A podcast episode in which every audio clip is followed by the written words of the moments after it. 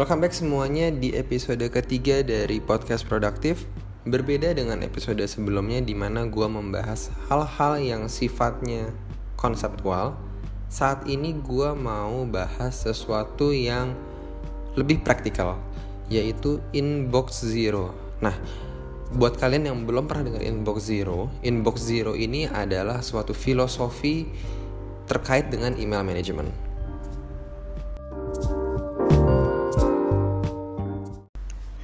Membahas mengenai inbox zero, sedikit banyak dari kalian pasti pernah dengar uh, terminologi ini. Tapi gue akan ceritain sedikit asal mula uh, filosofi inbox zero ini. Jadi mungkin akan lebih tepat disebut terminologi. Terminologi inbox zero ini dipopulerkan oleh seorang productivity expert, penulis dan juga podcaster yang bernama Marilyn Mann. Dia berargumen bahwa dengan memastikan kita memproses semua email di uh, inbox kita akan membuat kita lebih fokus untuk pekerjaan kita dan eventually akan membuat kita memanage waktu lebih baik. Nah, setiap kali ada email yang masuk, secara umum ada 5 action utama yang harus dilakukan yaitu do, defer, respond, delegate, or delete. Jadi kerjakan saat itu juga. Kalau perlu action item dari kita, pending dulu sampai prerequisite-nya atau hal-hal yang dibutuhkan untuk merespon terpenuhi atau respon saat itu juga atau bisa jadi kita delegate ke tim kita atau email itu bisa langsung kita hapus. Namun walaupun secara sekilas inbox zero ini uh, sangat baik untuk meningkatkan produktivitas kita, ternyata masih juga ada yang pro dan kontra. Untuk mereka yang pro, mereka berargumen bahwa dengan memproses email sama seperti yang dijelaskan oleh Marlin Man, mereka akan meningkatkan uh, efisiensi mereka. Tapi untuk mereka yang kontra, ini agak bermacam-macam. Salah satunya adalah menganggap inbox zero ini sudah ketinggalan zaman, apalagi saat ini channel communication itu bukan hanya email yang formal, bisa ada Slack, bisa ada uh, Microsoft Teams, Evernote for Business, ada macam-macam. Adapun yang mengatakan bahwa inbox zero itu justru malah menghabiskan waktu kita karena kita akan lebih fokus menghabiskan email yang masuk ketimbang kita melakukan pekerjaan kita uh, yang utama. Tapi yang perlu diperhatikan sebenarnya inbox zero ini bukan suatu metode bisa dibilang ini lebih ke filosofi. Sedangkan kalau metode email management itu sendiri, setiap orang itu pasti memiliki caranya masing-masing yang disesuaikan dengan pekerjaan mereka. Bicara mengenai metode email management, seperti yang gue bilang tadi, itu sangat beragam dan gue tidak akan bisa bilang kalau kalian tidak mengikuti inbox zero, maka kalian tidak produktif. Karena balik lagi, cara kerja dan pekerjaan setiap orang itu bervariasi. Nah, tanpa mempertimbangkan inbox zero ini sendiri, ada beberapa metode email management yang gue tahu dan pernah gue cobain juga. Metode yang pertama adalah gue sebut subject line method.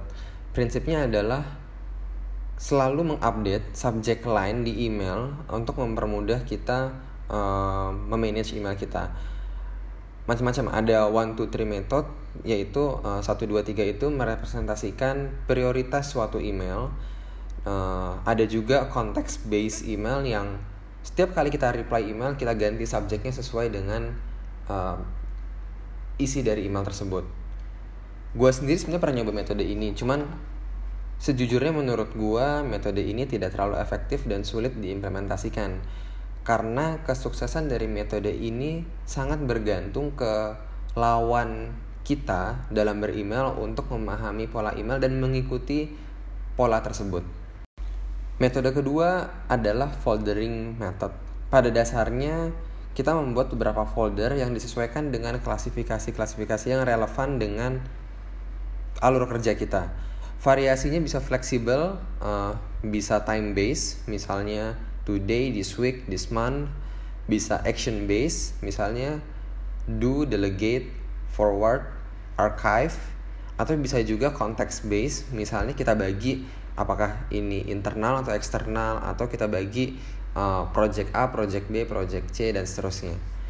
Nah, kalau gue pribadi melihat dan uh, dari pengalaman gue nih metode ini adalah yang paling membutuhkan effort tapi yang paling fleksibel dan bisa berevolusi sesuai dengan cara kita bekerja.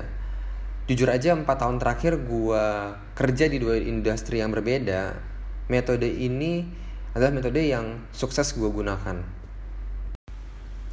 Nah metode ketiga well bukan metode sebenarnya lebih ke pendekatan. Gue sebutnya radical approach. Kenapa gue sebut radikal karena yang dilakukan ini bisa jadi sangat ekstrim atau bahkan tanpa pola sama sekali misalnya gue pernah dengar dari salah satu uh, klien di kantor gue pada akhir hari dia hapus semua email dia karena argumennya seperti ini kalau memang ada email yang penting, dia pasti akan mendapat email reminder. Nah, atau ada juga yang mentreatment email hanya sebagai secondary communication channel. Artinya dia beranggapan untuk hal-hal yang penting dia pasti akan ditelepon atau orang akan datang langsung nyampein apa yang uh, diperlukan.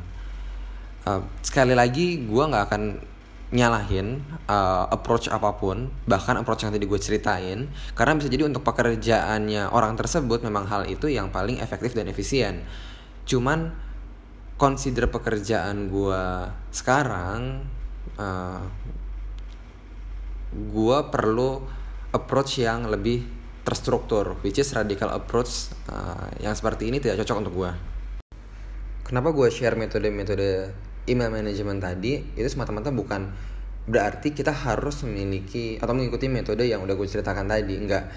Yang mau ditekankan adalah metode apa pun yang kita gunakan selama kita masih memiliki kontrol terhadap email kita dan communication channel kita sebenarnya sah-sah aja metode apa pun yang dipakai. Karena pada akhirnya kita akan dinilai dari hasil pekerjaan kita dan juga produktivitas kita. Kalau tadi udah gue bahas di awal mengenai inbox zero kemudian juga uh, gue share beberapa metode yang uh, biasa digunakan untuk email management sekarang gue mau share sedikit bagaimana gue memanage email inbox gue selama 4 tahun terakhir. Dan seperti yang gue bilang sebelumnya gue menggunakan foldering method yang gue tweak uh, prosesnya. Tapi gue cukup percaya diri dengan approach yang gue gunakan ini karena gue hampir tidak pernah miss dalam mereview email pekerjaan gue Sebelum gue jelasin lebih detail bagaimana gue memanage email inbox gue, ada beberapa disclaimer yang mau gue sampaikan dulu. Jadi, gue bisa dibilang sebagai penganut filosofi inbox zero. Kemudian, selama ini di pekerjaan gue, primary um, atau formal communication channel itu selalu menggunakan email dan gue tidak pernah menggunakan Slack, Microsoft Team, Evernote for Business um, atau alternatif email application ya yang lainnya dan pekerjaan gue ini selalu bersifat project base sehingga metode yang gue gunakan bisa jadi kurang cocok untuk yang pekerjaannya non project. Oke, jadi basically gue menggunakan foldering method yang dikombinasikan dengan automatic rule di Microsoft Outlook. Ada tiga jenis setup utama kalau gue bisa bilang. Setup pertama adalah automatic allocation. Jadi gue membuat dua folder yaitu to dan cc kemudian gue set automatic rule yang secara otomatis mengklasifikasikan apakah email yang masuk ke inbox gue itu diperuntukkan untuk gue which is akan masuk ke folder to atau buat gue hanya sebatas FYI which is otomatis gue ada di bagian CC jadi dia akan masuk ke folder CC itu adalah filter pertama. Setup kedua adalah pending action. Prinsipnya gue membuat tiga folder yaitu today, tomorrow, dan later yang akan membantu gue mengklasifikasikan importance dan urgensi email yang ada di inbox gue. Sesuai namanya, folder today itu digunakan untuk email yang harus diselesaikan hari ini. Kemudian ada folder tomorrow, adalah email yang tidak urgent tapi tetap perlu direspon. Uh, dan juga ada folder letter yang um, ini email-email yang sifatnya lebih FYI atau gue masih belum yakin nih apakah ini perlu gue balas atau enggak hal-hal seperti itu. Nah, setup ketiga adalah archiving gua membuat suatu folder archive dan yang gue lakukan sekarang adalah ada banyak banget subfolder di bawahnya sesuai dengan konteks breakdown yang ada di pekerjaan gue.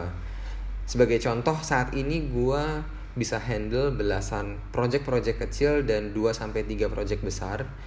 Jadi yang gue lakukan adalah gue membuat subfolder di bawah archive untuk masing-masing project tersebut alasan kenapa ada folder archiving karena gue tidak pernah mendelete email di inbox gue. Nah, seperti yang gue jelasin tadi, uh, nature dari pekerjaan gue adalah project base. Jadi biasanya kalau misalnya kita sudah uh, projectnya jangka panjang apalagi email-email lama itu kadang suka kita review kembali. Nah, jadi kalau di delete maka historical komunikasinya untuk spesifik project tersebut akan terhapus juga. Untuk prosesnya sendiri sebenarnya simple. Jadi pertama gue akan review folder to setiap 1 sampai 2 jam dan folder CC maksimal 3 kali sehari. Kemudian gue akan quick review importance dan urgensinya. Kemudian gue akan pindah secara manual apakah email tersebut masuk ke today, tomorrow, later atau bila tidak ada action yang perlu dilakukan biasanya gue akan langsung masukin ke folder archive.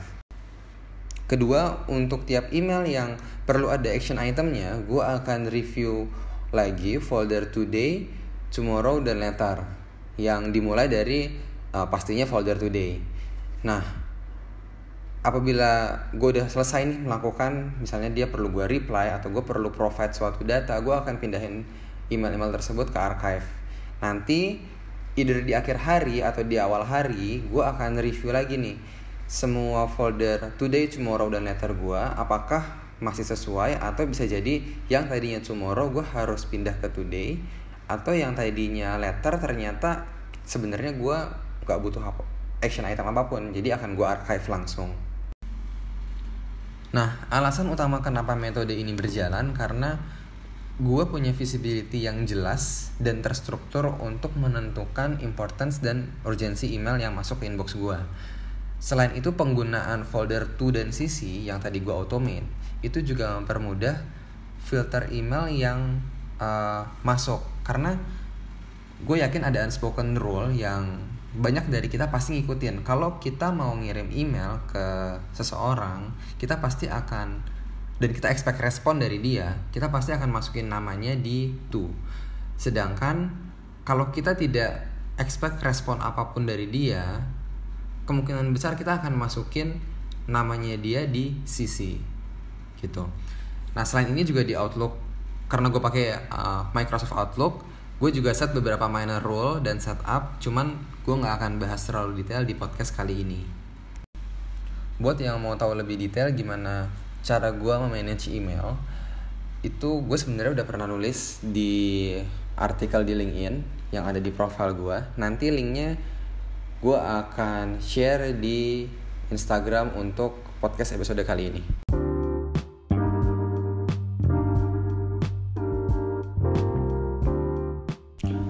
Jadi menjawab judul podcast kali ini, kesimpulan gue adalah inbox zero itu hal yang realistis asalkan kita memiliki metode email manajemen yang konsisten, sistematis, dan terstruktur. Tapi apakah inbox zero itu applicable untuk semua orang? Bisa jadi tidak. Apalagi untuk mereka yang komunikasinya datang dari berbagai channel atau memang tipikal pekerjaannya email bukan primary communication channel. Ya, apa pun metode yang digunakan untuk manage email, prinsipnya selama kita bisa meningkatkan kualitas pekerjaan dan produktivitas kita, maka tidak ada salahnya untuk dicoba dan diimplementasikan, termaksud prinsip inbox zero ini. So itu aja yang bisa gue share di podcast kali ini. Semoga bisa bermanfaat. Apabila ada komentar Kalian bisa visit Instagram produktif dan DM di sana. Akhir kata thank you for listening to podcast produktif. See you di podcast selanjutnya. Bye